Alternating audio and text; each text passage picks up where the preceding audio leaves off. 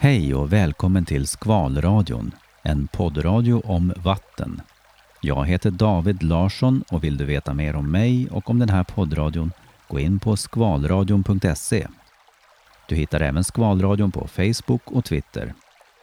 Det här programmet ska handla om Mälaren och även om du inte har någon direkt koppling till landets tredje största sjö så tycker jag att programmet innehåller en hel del allmänkunskap om vatten Nyligen kom en rapport ut, Mälaren tillståndsutveckling 1965 till 2011.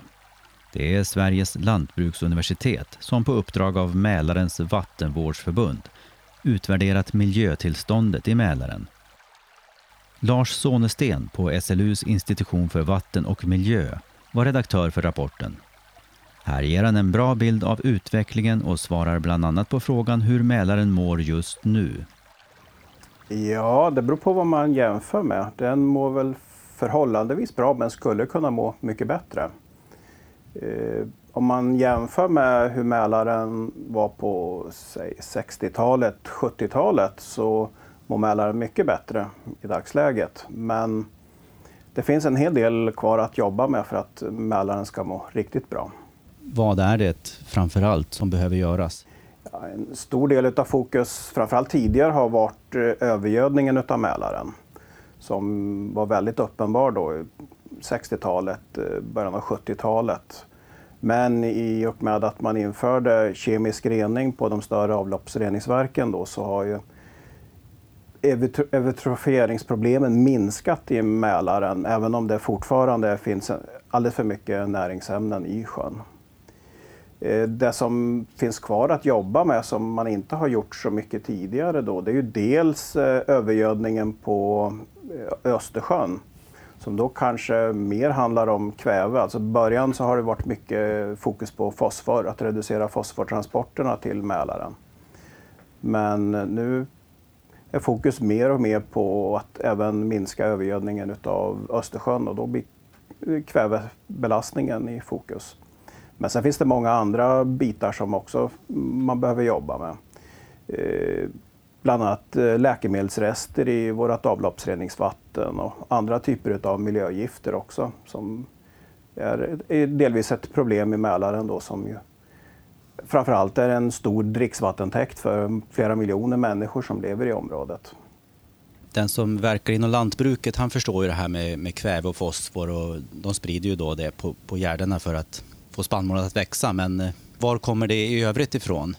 Förutom då jordbruket som bidrar med en hel del av de här näringsämnena så är ju även eh, avloppsreningsverken, då, alltså där vi spolar ner på toaletter och i duschen, eh, en stor källa till de här näringsämnena. Där man har haft ett stort fokus just på övergödning av inlandsvatten som ofta är begränsade på fosforsidan. Vilket innebär att när en, eh, ett inlandsvatten då blir övergött så är det ofta att man har fått för mycket fosfor i vattnet.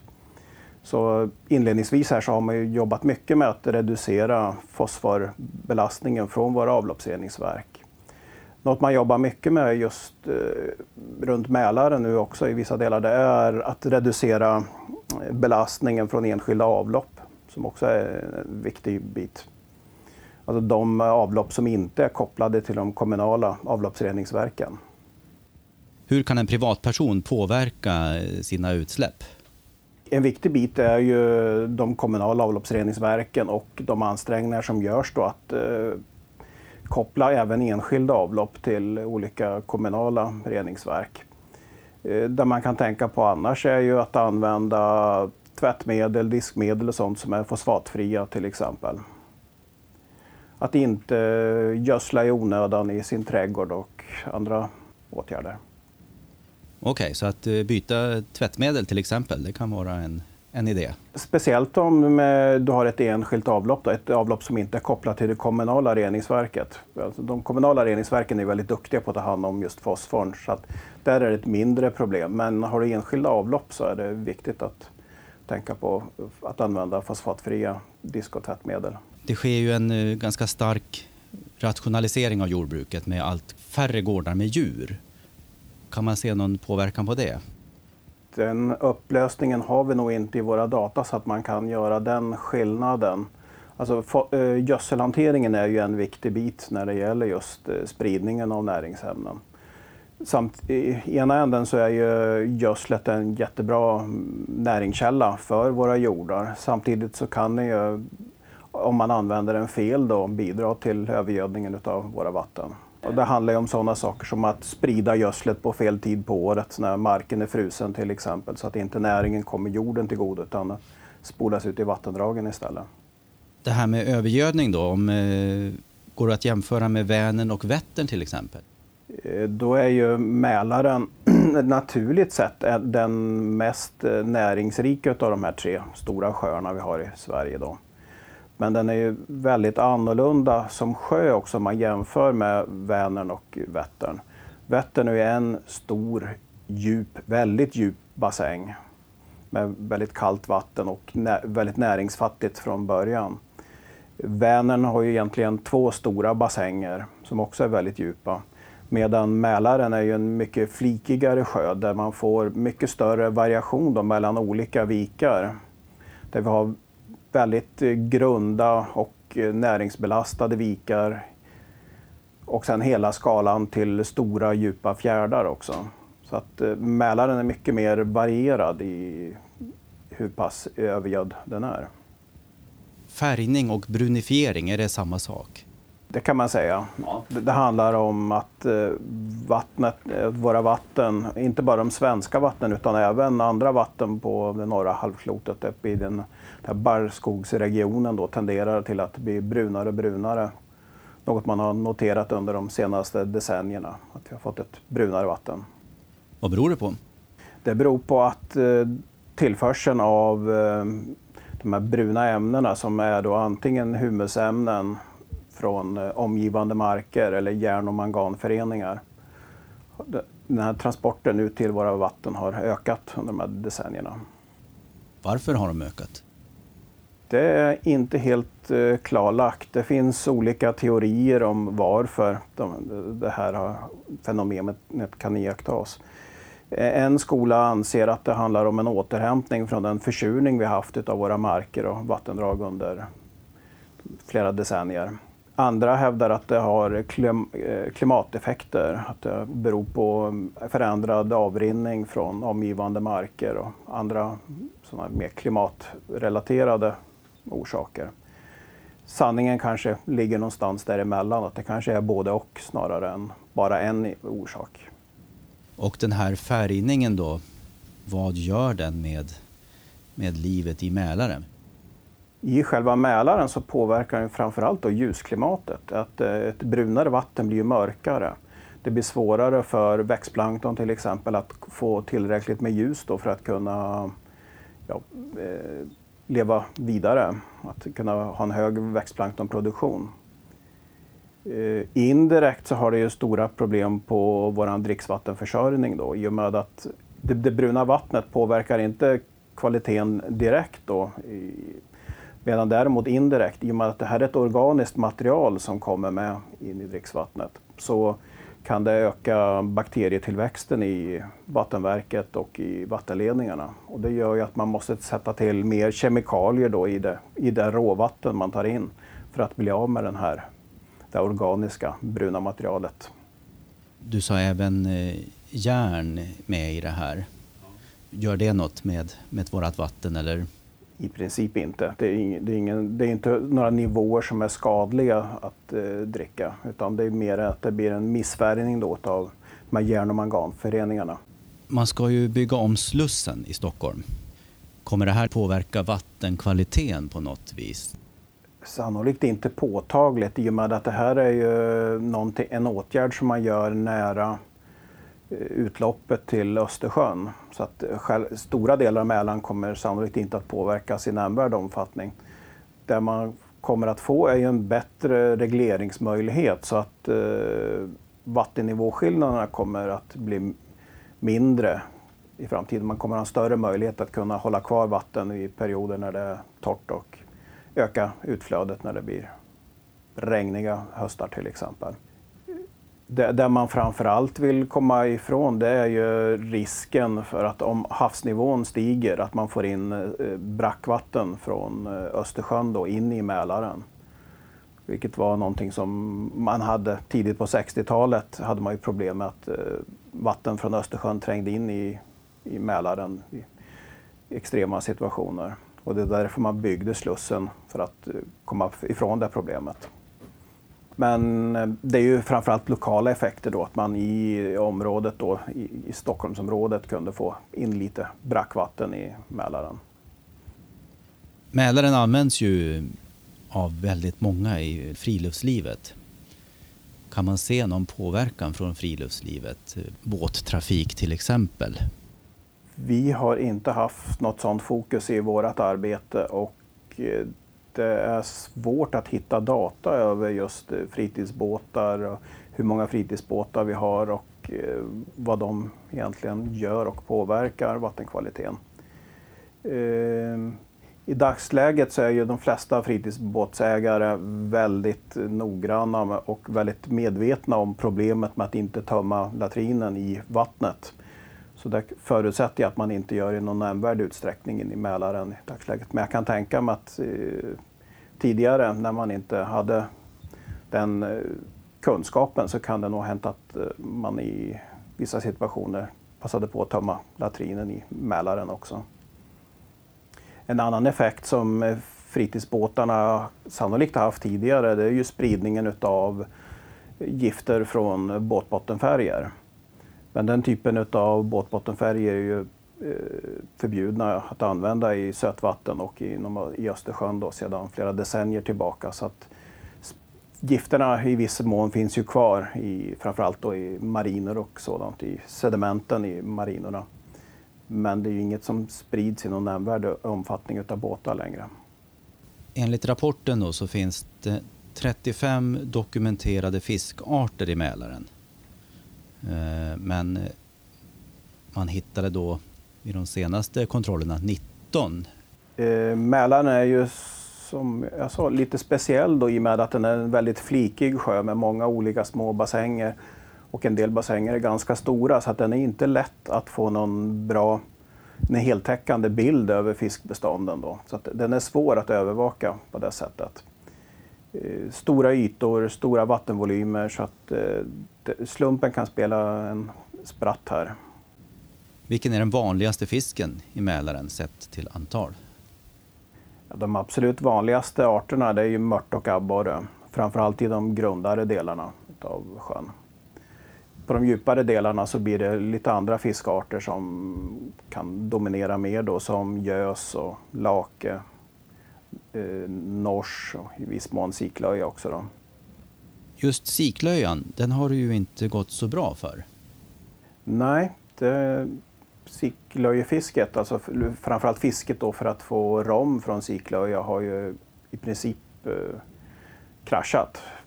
Och, eh, det, man har, eh, har, inte lyckats eh, ta reda på någon enskild faktor då som, har, som är orsaken då till den här kraschen i siklöjebeståndet. Men det finns teorier om att det kan vara klimatet som har spelat oss ett spratt här också. Då, att man har haft eh, för varma vintrar, vintrar när isen har gått för tidigt och det har sett, satt sina spår då i hela näringsväven i ekosystemet.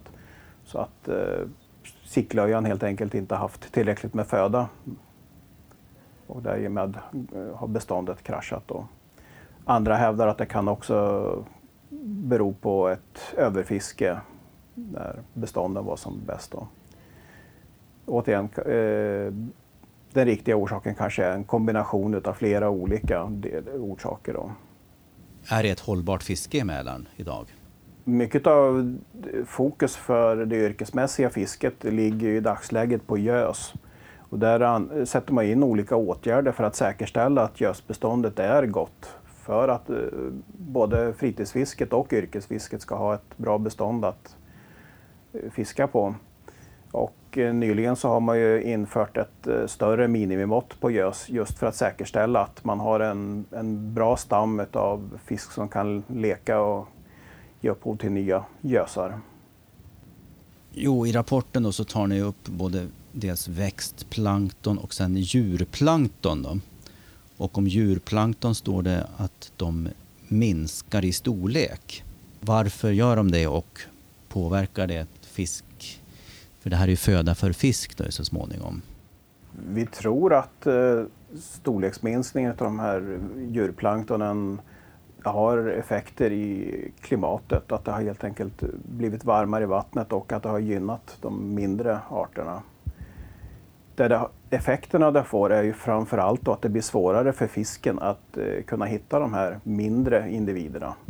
Det är ofta så att de eh, fiskarter vi har de tar sop, eh, djurplanktonen en och en och ju mindre de är desto svårare blir det att få i sig tillräckligt med mat. Det ger mindre mat till fiskarna helt enkelt? Ja, och det kan ju också vara en bidragande orsak då till eh, kraschen av siklöjebeståndet. Att man har helt enkelt haft svårare att hitta bra med föda. Ja, jag var inne på det här med växthuseffekten och mer nederbörd. Det ökar då färgningen. Kan det ha någon eh, annan påverkan på vattnet? Ja, åtminstone initialt. Eh, om man får mer eh, nederbörd och man ökar vattenflödet till Mälaren så för det ofta med sig näringsämnen också. Det är inte bara de här, det organiska materialet utan till, till det organiska materialet finns ju även då näringsämnen kopplat. Så att åtminstone initialt så kan man ju få en, eh, en ökad eutrofiering eller övergödning av Mälaren. Det har alltid funnits ett flöde av näringsämnen. Det, det är ju så att eh, Mälaren är ju naturligt sett eh, har en ganska hög näringsnivå. Sen är det ju så också att de omgivande jordarna är ju väldigt bördiga. De innehåller väldigt mycket näringsämnen så att rent naturligt så får man ett, eh, en tillförsel av näringsämnen. Sen är det ju så att ju mer man bearbetar jorden desto mer exponerar man den för väder och vind.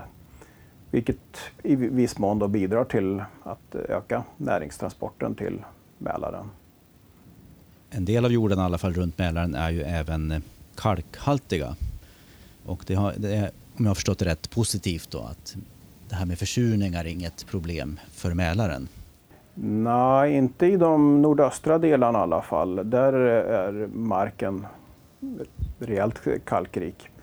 Däremot så finns det ju delar av Mälarens tillrinningsområde, framförallt uppe i den nordvästra delen, som är, har en del problem med försurning. Inte så omfattande som i många andra delar av landet, men ändå en påverkan. Men i och med att eh, det blandas sen i sjön med så mycket mer välbuffrat vatten så har själva Mälaren inget problem med försurning. Men med, med den här flikigheten då, innebär det att eh, en del bassänger har äldre vatten än, än andra? Alltså finns det vatten som stannar kvar längre? Oh ja, I de mer isolerade mindre vikarna så kan ju vattnets uppehållstid vara betydligt längre än i själva huvudstråket om man så säger.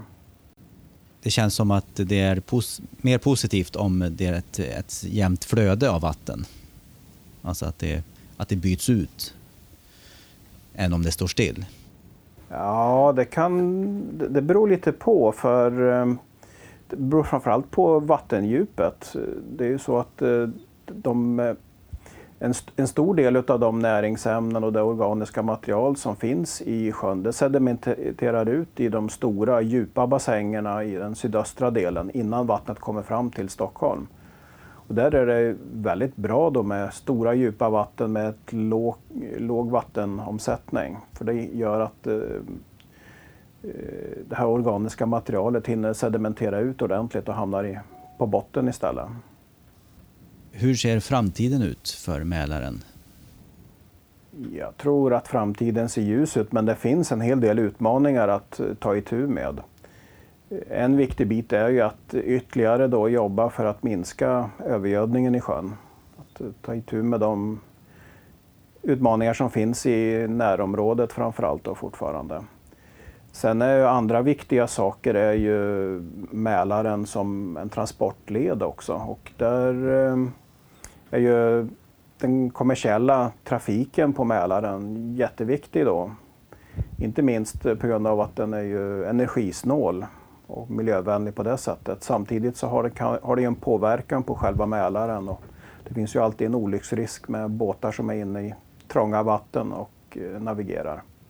Det pågår ju plan, eh, planer på att eh, muddra delar av farleden då för att kunna förbättra och eh, göra det säkrare för båttrafiken. Det innebär ju samtidigt en risk också för man vill gärna ha in större och större fartyg och eh, som å ena sidan kan vara bra för det blir mer energieffektivt men samtidigt så sker en olycka så är det större mängder eh, ja, bränsle och annat som kan komma ut i Mälaren. Det här att man ska göra farleden djupare då i vissa, på vissa platser, kommer det att ha någon påverkan mer än under en kortare tid? Ja, en, en, en, viktig bit här är ju hur man tänker ta hand om muddermassorna och eh, de planer som finns just nu är att man planerar att lägga dem i djupare delar av Mälaren. Åtminstone de eh, sediment då, eh, som kommer från de eh, delar som inte är belamrade med olika miljögifter. De, de sedimenten som framförallt kommer från hamnarna, de måste man ta hand om på särskilt sätt.